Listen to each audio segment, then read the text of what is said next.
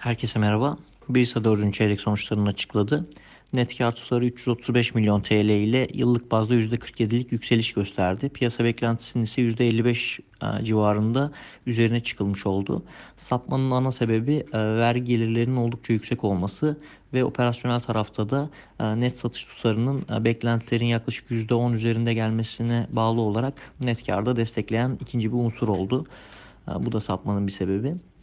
Ee, satışlar tarafına baktığımızda yıllık bazda satış tonajında %13'lük bir artış görüyoruz. Ama hasılat tarafındaki yansıması fiyat artışlarının etkisiyle %60'a yakınsadı. 2.1 milyar TL hasılat açıkladı şirket 4. çeyrekte.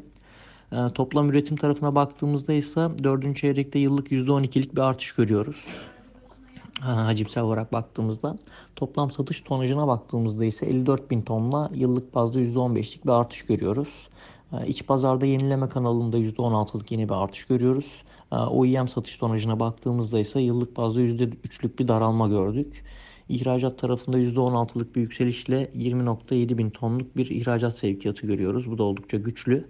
Ton başına ortalama satış fiyatına baktığımızda ise yıllık bazda %40'lık bir yükseliş görüyoruz. Çeyreklik bazda da %14'lük bir yükseliş görüyoruz. Ee, şirket 2021 yılını 206 bin ton satışla tamamlamış oldu. Ee, kapasite kullanım oranlarına baktığımızda ise %100'e yakınsadığını görüyoruz şirketin İzmit ve Aksaray fabrikalarında.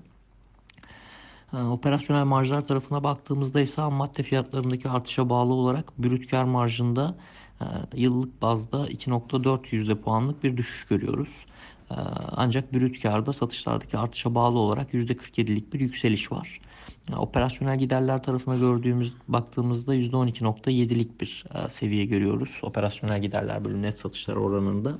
E, bu tarafta beklentimizin bir miktar e, daha altında kaldı şirket. Altında derken yani daha olumsuz anlamında söyledim. Ama yine de genel olarak fabrik marjına baktığımızda ise %19.9 seviyesinin yine hala oldukça güçlü olduğunu düşünüyoruz biz. Her ne kadar gelecek geçmiş döneme ve geçtiğimiz senenin aynı dönemine kıyasla bir miktar gevşeme olsa da tarihsel ortalamalara kıyasla hala oldukça güçlü bir FAVÖK marjı görüyoruz. FAVÖK ise yaklaşık yıllık bazda %40 artmış oldu. Bu marja istinaden 424 milyon TL seviyesine ulaşıldı.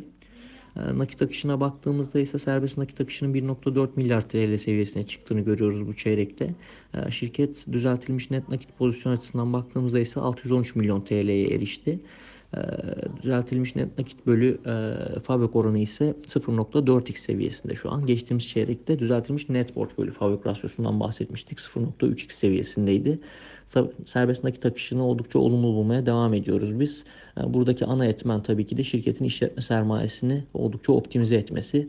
Ee, bunun devam etmesiyle şirketin e, nakit pozisyonunu sürdürmesini bekleriz e, gelecek çeyreklerde de.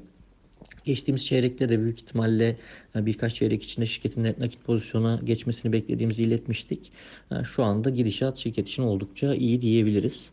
E, sonuçların ardından endeks üzeri getiri olarak güncelliyoruz tavsiyemizi.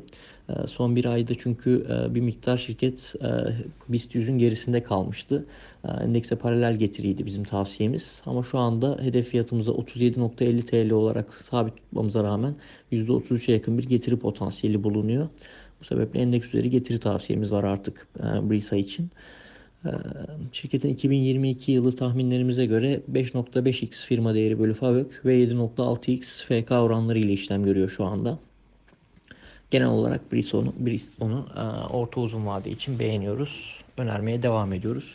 Son olarak da şirket e, temettü teklifini yaptı.